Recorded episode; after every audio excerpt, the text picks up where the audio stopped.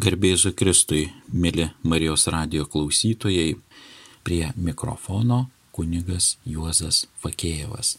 Šiandien, lapkričio 23 dieną, kai minime negimusio kūdikio dieną, norisi priminti, prisiminti, ypač mums, krikščionims katalikams, svarbes pamatinės, prigimtinės dar vadinamas savybės, darybės ir įgimtus dalykus - gyvenimą, gyvybę, taip pat požiūrį į vaikus, norėjimą jų turėti. Ir kai sakė vienas iš teologų, bažnyčios mokytojų, kad mes turime gilintis ir eiti į Dievo žemę, ten, kur šviesa. Nežiūrėti ir nepriekaištauti, einant į tamsos, į mirties žemę, į vadinamą Dievo priešininko šetono ir velnio žemę. Nes piktintis, badyti pirštais, kaltinti, pasilikti kančioje visą likusį gyvenimą, tai ne krikščionio ir ne Jėzaus misija šioje žemėje.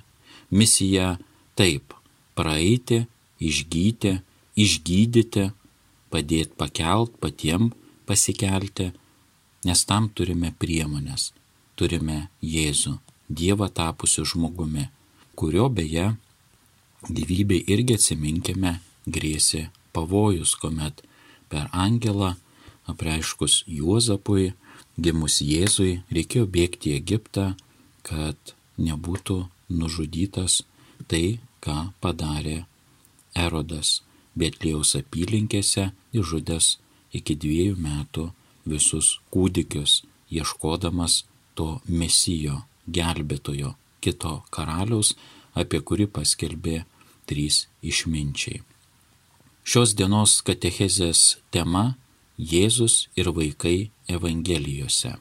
Tad prisiminkime labai tokią žaismingą temą savo vaikystę, kiek atsimenam, paauglystę, ankstyvąją jaunystę, kol tapome jau suaugę, brandus studentai, jaunuoliai, jaunuolės. Ir tokias savybės. Tai kviečiu perbėgti kartu su evangeliniam ištraukom, pamastymais, taip pat e, prisiminimais mielai šiltais apie save. O tie, kurie susilaukia vaikų, galbūt ne vieno, ypač keletos, tai žiūrėti juos galbūt dar kitaip, su dar didesnė meile, palaiminimu, stiprybė. Taip pat tie, kurie ruošiatės turėti vaikelį, tai džiaugitės, kad esat apdovanoti. Tie, kurie esat netekę, tiesiog patikėkit viešpačiui visą tai į jo rankas, susitapatinant per jo kryžių, taip pat per jo motiną Mariją, jos skausmą ir turėkime viltį, kaip moko bažnyčia, jos katekizmas, kūdikiai išėję iš šio pasaulio ir dėl žmogaus kalties, ir ne dėl žmogaus kalties, yra mūsų angelai danguje. Kaip sako Jėzus, jie regi visada Dievo veidą danguje. Tai apie tai šios dienos tema ir katechezė. Pirmoji ištrauka iš Evangelijos pagal Morku, devintas skyrius nuo 33 iki 37 eilutės. Jie atėjo Kafarnaumą Namie jis, Jėzus, paklausė juos, apie ką kalbėjotės kelyje. Jie tylėjo. Mat kelyje jie ginčijosi, kuris iš jų didžiausias. Atsisėdęs jis pasišaukė dvylika ir tarė, jei kas trokšta būti pirmas, tebūnie paskutinis ir visų tarnas. Paėmęs mažą vaiką, pastatė tarp jų ir apsikabinės jį pasakė, kas dėl manęs priima tokį vaikelį, tas priima mane o kas priima mane, tas ne mane priima, bet tą, kuris yra mane siuntęs. Tas vaikas, apie kurį rašoma šioje Evangelijos ištraukoje pagal Morku, galėjo būti Petro sūnus. Ir žinome iš kito Evangelijos vietų, kad Petras buvo vedęs, nes Jėzus viename Evangelijos epizode pagydo jo uošvę. Jėzaus laikais vaikai buvo laikomi bereikšmiais asmenimis, jie neturėjo jokios svarbos, jie visuomeniai buvo niekas. Tais laikais vaikas buvo daiktas, kuris nieko nereiškė. Visuomeniai vaikai neturėjo visiškai jokių teisių. O tuometiniam pasauliu primti vaiką tai sulaužyti galiojančias socialinės normas ir tokiu būdu rizikuoti prarasti savo turimą prestižą ir privilegijas. Kai visa visuomenė sako, kad vaikas neturi jokių teisių ir jis yra niekas, tai kažkam atkreipti dėmesį į vaiką ir pradėti manyti arba sakyti, kad jis yra kažkas, tai eiti prieš visuomenės normas ir tokiu būdu prarasti savo prestižą visuomeniai, kuris sako, kad jūs neteisingai elgiatės ir klaidingai tą darote. Čia nieko bendro neturi su vaiku. Čia sumanimo ir matymo, kas yra svarbu ir kas yra nesvarbu. Tuo metu Romos vargšai žudydavo arba atsisakydavo savo vaikų, nes tai reiškia dar vieną burną, dar didesnį vargą. Ir arba tu išmeti, arba jį nužudai. Vaiko gyvybės atėmimas nebuvo žmogžudystė, niekas už tai neteisė. Ir antikos laikais yra rastas ne vienas laiškas, kai iš karo romėnas siunčia savo žmonai laišką ir jisai jau matyt buvo sužinojęs, jog jo žmona nešia prieš išvykstant į karą. Tai laiške net minima ne viename, jog jeigu tau bus sunku ir aš nespėsiu grįžti iš karo arba grįšiu suluošintas, o galbūt ir visiškai negryšiu gyvas, tai išmesk mūsų vaiką kad nebūtų tau sunku ir kitiem keliem vaikam ar vienam vaikui, kad tau nebūtų sunki našta. Ir tai yra istoriniai faktai. O pavyzdžiui, žvelgiant į mūsų laikus, šiais laikais turime kitą kraštutinumą. Vaikai yra ant socialinio altoriaus ir nežinom, kaip aplink juos jau šokinėti. O tai čia buvo evangeliniam kontekste, tuometiniam istoriniam kontekste apie vaikus ir požiūrį juos visiška priešingybė. Ką tiksliai šioje vietoje reprezentuoja tas mažas vaikas? Tame yra trys dalykai. Pirmasis - tai priimti esamus vaikus. Jėzus atkreipė dėmesį šiuo atveju į vaiką tuose namuose. Tai laukti gyvybės, būti už gyvenimą nes krikščionis turi žinoti, kad Dievo tokia nuostata ir bažnyčia nekeis savo nuostatos, kad žmogaus gyvybė yra vertingiausia.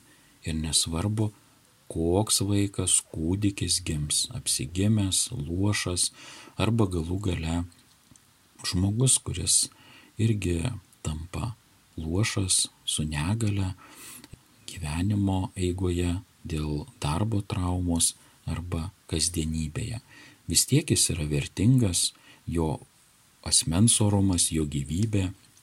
Prisiminkim, kad jie irgi kažkada buvo vaikai, buvo jauni, buvo aktyvus visuomeniai žmonės, tie ligoniai seneliai.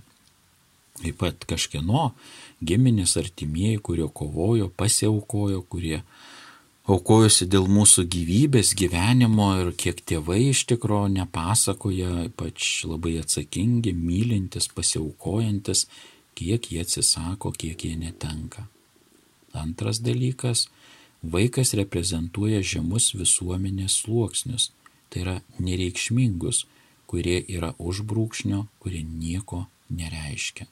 Tai vaikas neturi ko statuso socialinio, negali duoti naudos tam tikros ekonominės, finansinės, valdžios galios, tai todėl jie nieko nereiškia kaip ir tie, kurie yra mūsų visuomeniai už brūkšnio.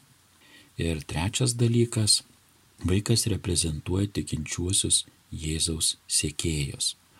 Tai tas niekingumas pagal to meto požiūrį į vaiką, kad tikintieji nuo pat pradžių buvo laikomi niekas. Ir šiais laikais mes girdime, kad krikščionis katalikai kažkokie neįsilavinę, tamsus, viduramžių žmonės.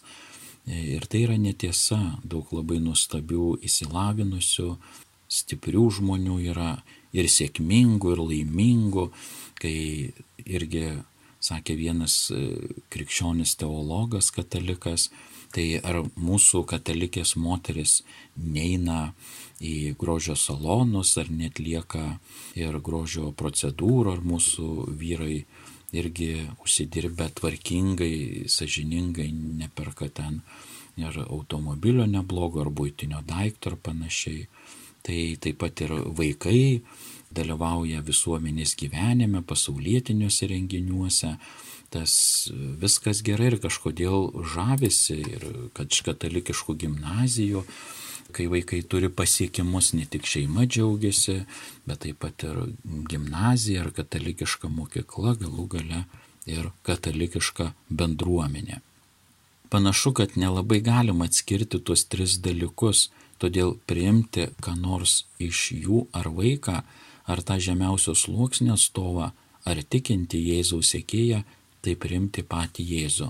Bet tie, kurie reprezentuoja Jėzų, jeigu kas priima šitą vaiką, Jėzų reprezentuoti gali tik jo sėkėjai. Vaikas tai Jėzaus sėkėjo simbolis, sėkėjo, kuris yra pažeidžiamas ir menkinamas. Jėzus nori pasakyti, kad su politiniu mesiju įgysite statusą visuomeniai, tai yra žmonių akise. O mano siekėjai bus tie, sako Jėzus, kurie pirmiausia neturi jokio statuso ir aš jiems tą statusą duosiu, tą tapatybę. Tai, kas aš esu, jie taps tuo, jei jie seks manimi.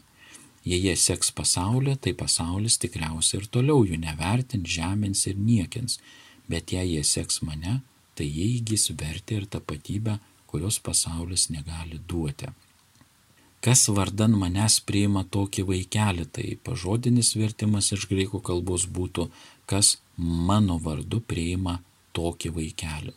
Vardas yra tapatus asmeniui bibliniam kontekste ir tuometiniam pasauliu, tuomet iki šešių metų vaikui neduodavo vardo, nes jis yra niekas ir jis neegzistuoja. Bet kai gauni vardą, tuomet jau tampi kažkuo. Pavyzdžiui, konslagerio patirtis atimti vardą ir duoti numerį. Tu esi tik numeris. Tai yra, tu esi niekas, tu nebeturi vardo. Ir man kaip kunigui tokia patirtis iškyla šiek tiek tokia tamsesnė, bet pamastymų į ateitį ir kitiem pasidalinti, kurie girdė šią katechezę, kai krikštie vaikus. Ir mes kasmet į kalendorinius metus pradedam nuo sausio pirmos, nuo numerio vienas, skaičiuoti pakrikštytus daugiausiai vaikus žinoma.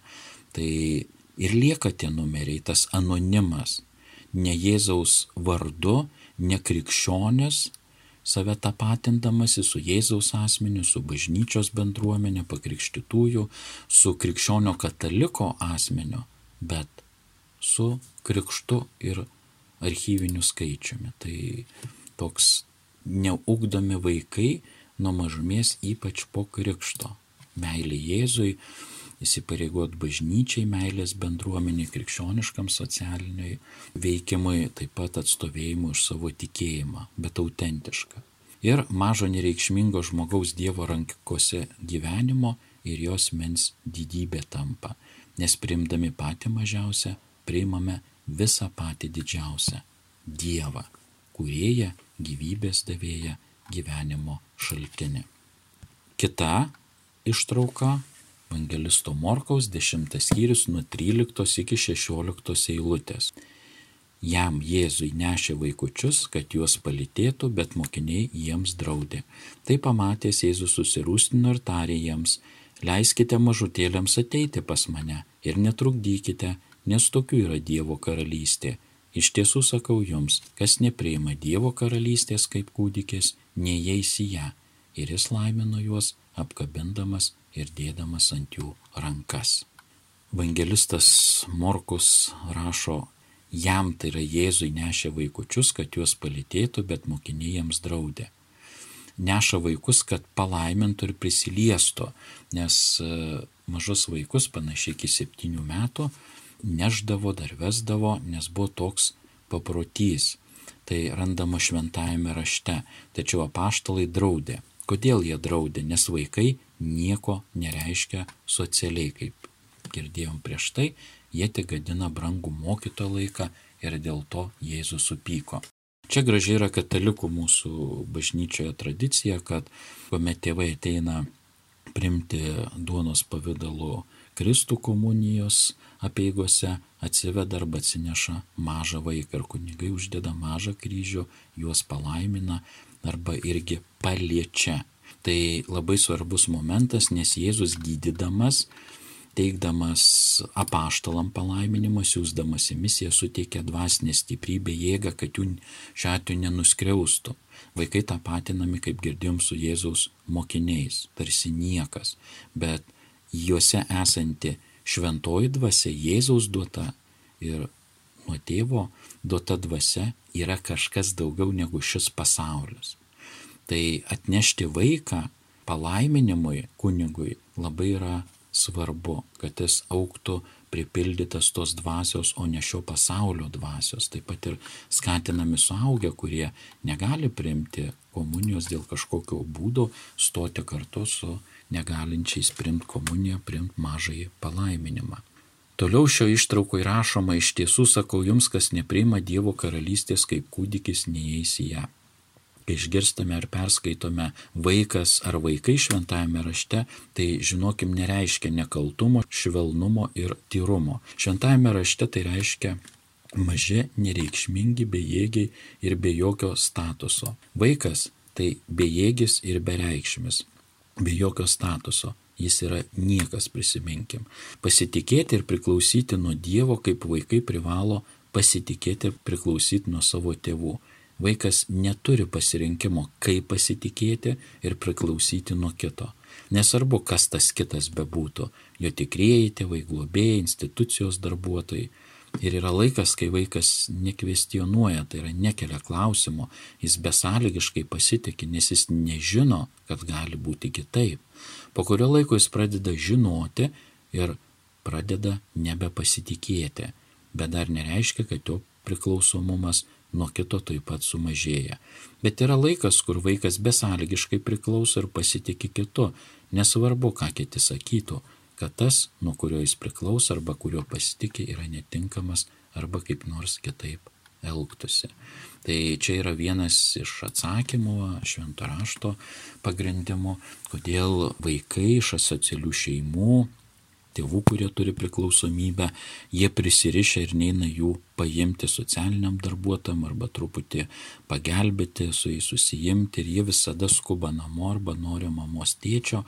Priraišumas prieraišumas, tas vidinis, dvasinis kartu ir emocinis, psichologinis įrašytas. Mažam vaikui reikia gimdytojų rūpešių ir jis pripranta, prisiriša. Tai tas labai yra svarbu. Ir pamastykim taip pat apie skirybas, dėl skirybų labiausiai nukenčia dėja mūsų vaikai.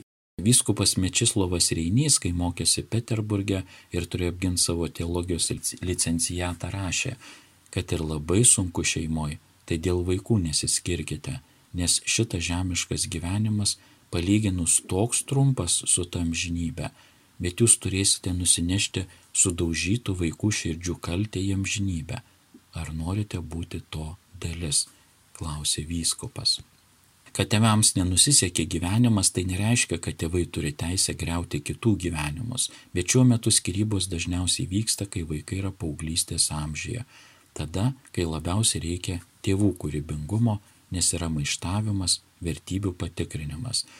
Tada kažkodėl tėvai pagalvojo, kad vaikas toks supratingas, jis ir taip maištauja, čia tarp savęs nesusišnekam, su vaiku nesusišnekam, tai gal tada įsivaikščiokime. Ir kam nuo to geriau, kuo toliau, tuo tas sniego gniužti didėja. Tai tenka girdėti ir patirtis ir matyti, Ir iš tikrųjų mes už tai užauginam silpnesnės kartas. Ir emociškai, ir dvasiškai, ir aišku, paskui tas persidoda į lygas, vadinamos psichosomatinės lygos, kas dažniausiai skrandis, pilvos skausmai vaikams. Tai iš tikrųjų įtampa.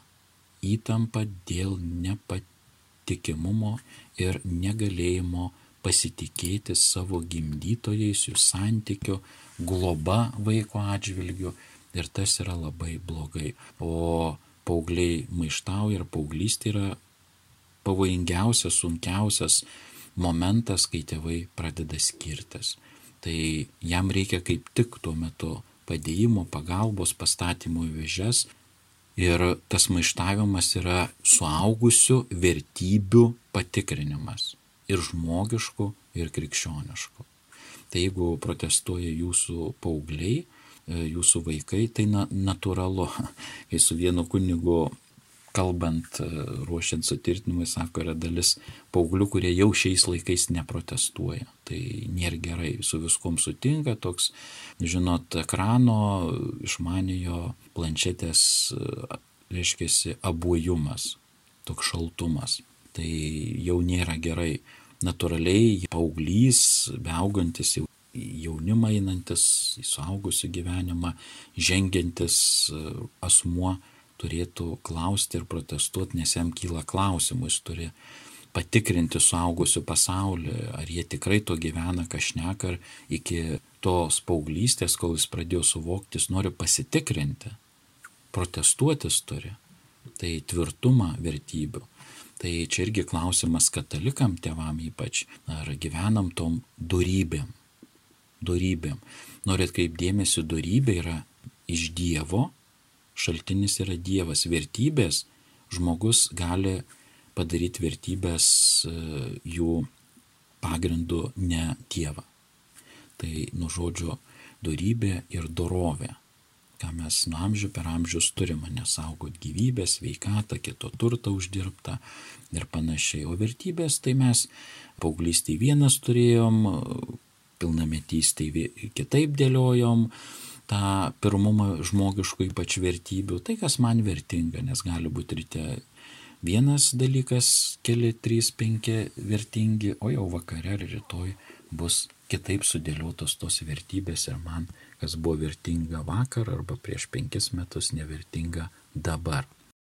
Vaikai priklausomi ir yra atsigręžę savo kūrimo šaltinį į Dievą.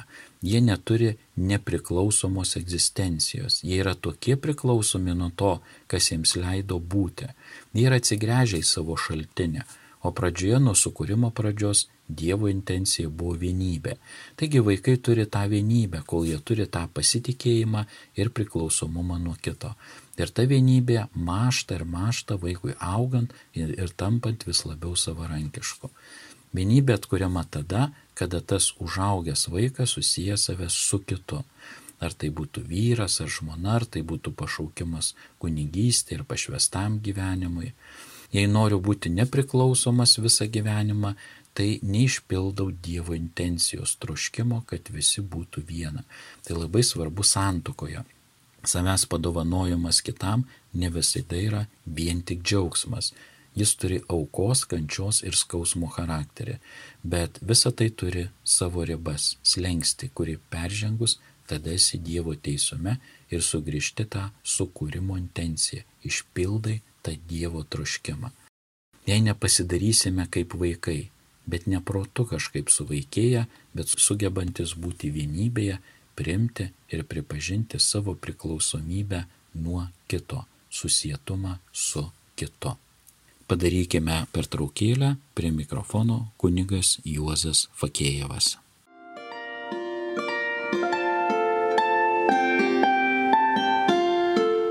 Jūs girdite Marijos radiją.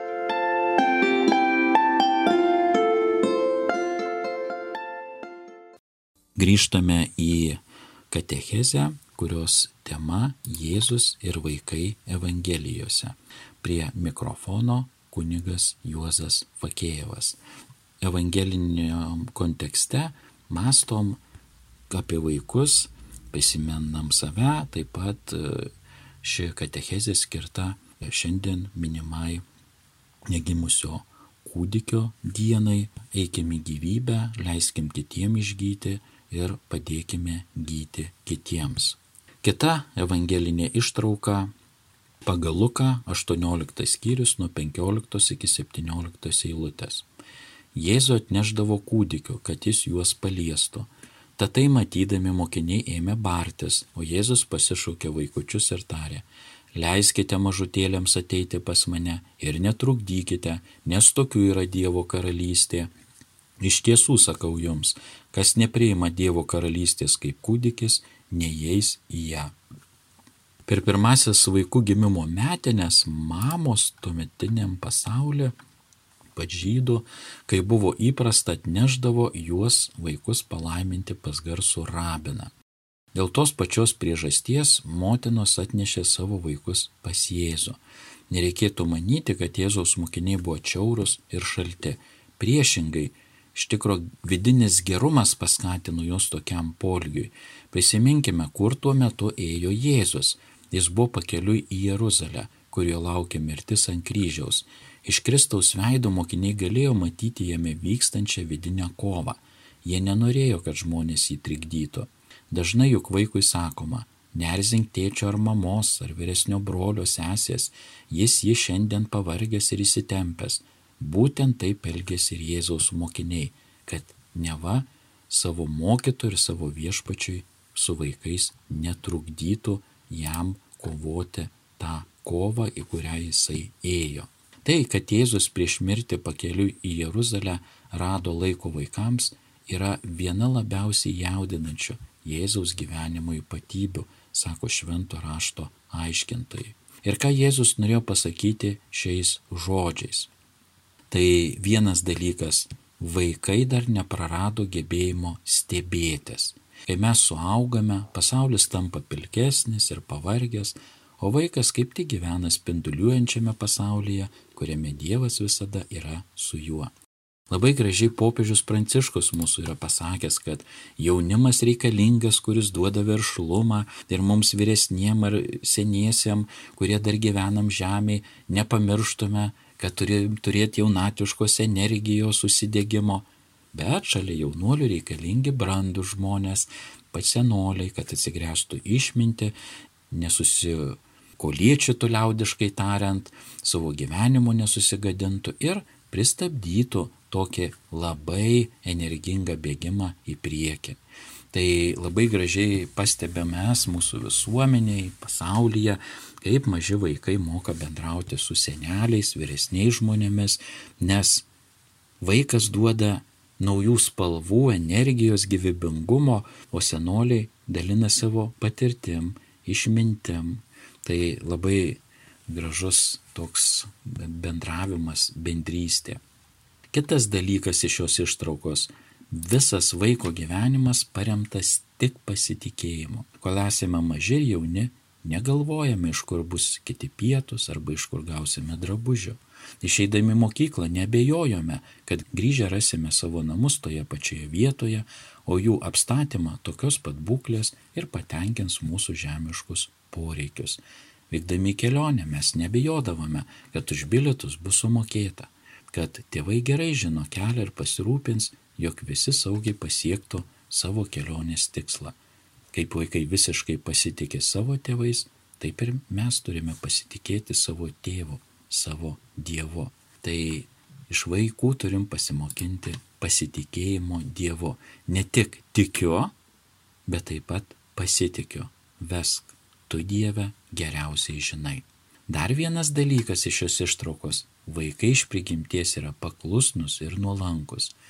Tiesa, jie dažnai būna nepatenkinti ir niurzga prieš savo tėvus, tačiau turi paklusnumo instinktą. Jie supranta, kad turėjo paklusti, nes nepaklusnumas daro juos nelaimingus. Jų širdise gyvena įsitikinimas, kad tėvų žodis yra įstatymas. Būtent toks turi būti ir mūsų santykis su Dievu. Iš tikro, vaikai mėgsta iš prigimties tą tvarką, drausmę, taisyklės. Pačiam, kai kunigui teko organizuoti virš dešimt metų katalikiškas parapijos stovyklas, taip pat dalyvauti ir kitose būnant, dar net seminaristų, pirmais kunigystės metais. Tai stovyklose esanti tvarka, drausmė, dienotvarkė patinka vaikams ir kartais po savaitės, po dešimt dienų atvykę tėvai pasimdami vaikus po kurio laiko ar į galutinę dieną dalį programos atvykę sako, kaip čia juos jūs sutvarkote, mes su jais gyvenam ten 10-14 metų ir tai ne visada mūsų klauso tų taisyklių tvarkų, o jūs čia sako per savaitę jau sutvarkėt ir jie visiškai klauso. Sakom, mes laikomės tų taisyklių, jie mato, kartu einam praustis, valgyti, melstis, kartu dirbti, kartu sportuoti, džiaugtis, nurimti, paverkti. Ir jie tuo pasitikė. Tai va tas nuolankumas ir paklusnumas duoda pasitikėjimą dienotvarkė. Tai vadinasi, Dievas nuo kūdikystės mums įdėjęs tą drausmę ir tvarką, kur yra visato ir pasaulyje.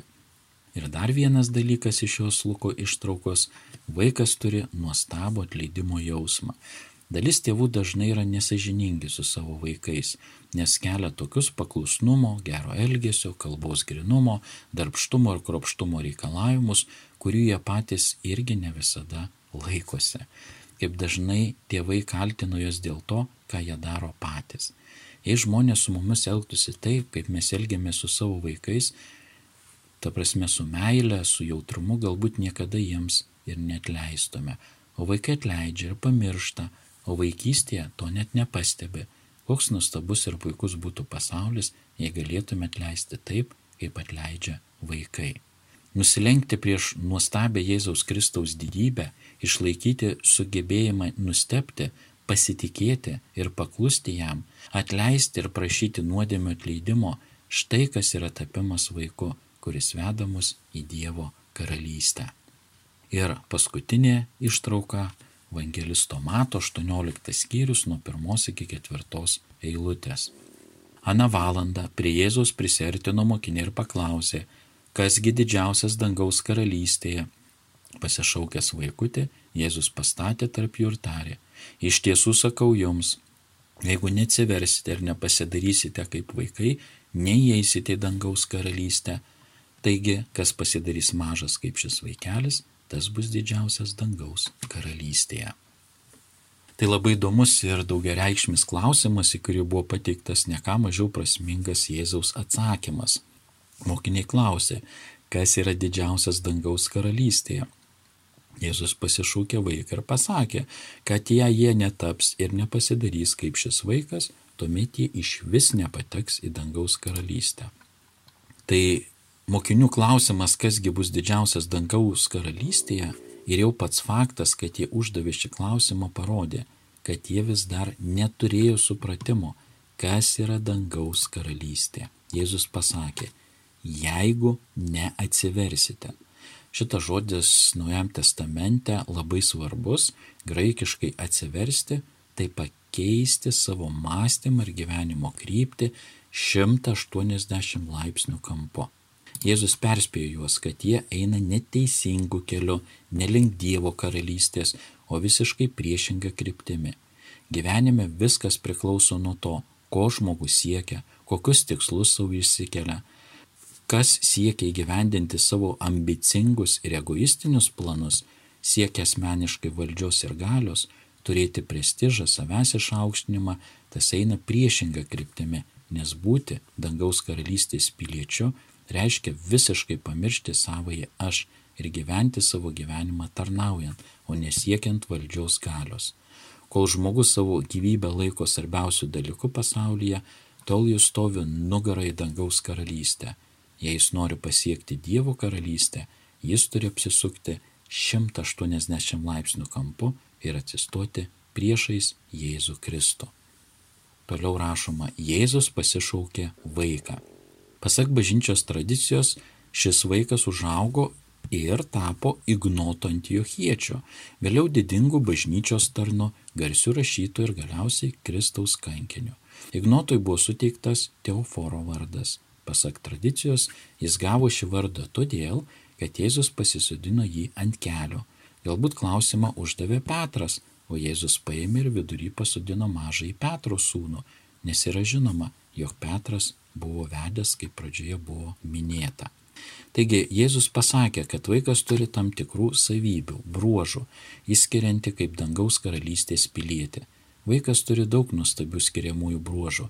gebėjimas stebėtis, kol jis dar nėra mirtinai pavargęs nuo pasaulio stebuklingų reginių, gebėjimą pamiršti ir atleisti, net tada, kai suaugusi ir tėvai, kaip dažnai būna suelgesi nesažiningai, nekaltumą, todėl, kaip gražiai pasakė vienas mąstytojas, vaikas turėtų tik mokytis, o ne išmokti, tik daryti, o ne perdaryti. Be jokios abejonės Jėzus taip pat galvoja apie tai, bet kad ir kokie nuostabus būtų šie bruožai, bet ne jie užima pagrindinę vietą Jėzaus mintise. Vaikas turi tris puikias savybės, dėl kurių jis yra dangaus karalystės piliečio simbolis. Pirma, kuklumas, paprastumas, kuris yra pagrindinė šios evangelinės ištraukos mintis. Vaikas nesistengia savęs iškelti, priešingai, jis bando atsitraukti antrą planą, jis nesiekia užimti aukštos pozicijos, jis verčiau nori likti šešėlėje. Tik tuomet, kai vaikas paauga ir pradeda įsilieti pasaulį, su juo inirtinga kova dėl prizų ir pirmųjų vietų. Jo instinktyvus kuklumas bei paprastumas išnyksta. Keipkim dėmesį, kai sakom, dalis vaikų sarmatlyvi, gėdijasi, tai čia yra įgimtas dalykas, dieviška darybė, kuklumas, paprastumas. Antra vaikiška savybė - priklausomybė nuo kitų. Vaikui priklausomybė nuo kitų yra visiškai natūrali būsena. Jis niekada nemano, kad gali susitvarkyti gyvenimą pats. Jis visiškai sutinka būti begaliniai priklausomu nuo tų, kurie jį myli ir jo rūpinasi. Jei žmonės suvoktų ir pripažintų savo priklausomybę nuo Dievo, į jų gyvenimą ateitų nauja stiprybė ir vidinė ramybė. Ir trečia puikia vaikiška darybė, kuri mūsų suaugusius mokina tai pasitikėjimas. Vaikas instinktyviai jaučia savo priklausomybę nuo kitų, taip pat instinktyviai pasitikė, kad tėvai patenkins visus jo pagrindinius poreikius. Kol esame maži vaikai, tol negalime nusipirkti nei maisto, nei drabužių, nei išlaikyti savo namų, tačiau niekada nebejojame, kad būsime pamaitinti ir aprengti, o namuose mūsų laukia pastogė, šiluma ir jaukumas. Vaikystėje kelionę leidžiamės neturėdami pinigų ir negalvodami apie tai, kaip pasieksime galutinį tikslą. Tačiau nei galva neteina bejoti dėl to, kad tėvai mus patikimai ten nuveš. Vaiko kuklumas yra krikščionio elgesio su savo artimais pavyzdys, o vaiko priklausomumas nuo kito ir pasitikėjimo jausmas krikščionio požiūrio į Dievą, visų tėvą pavyzdys. Ačiū, mėly Marijos radio klausytojai, kad klausėte, katechezės tema buvo Jėzus ir vaikai Evangelijose. Prie mikrofono buvo kunigas Juozas Vakėjevas. Sudie.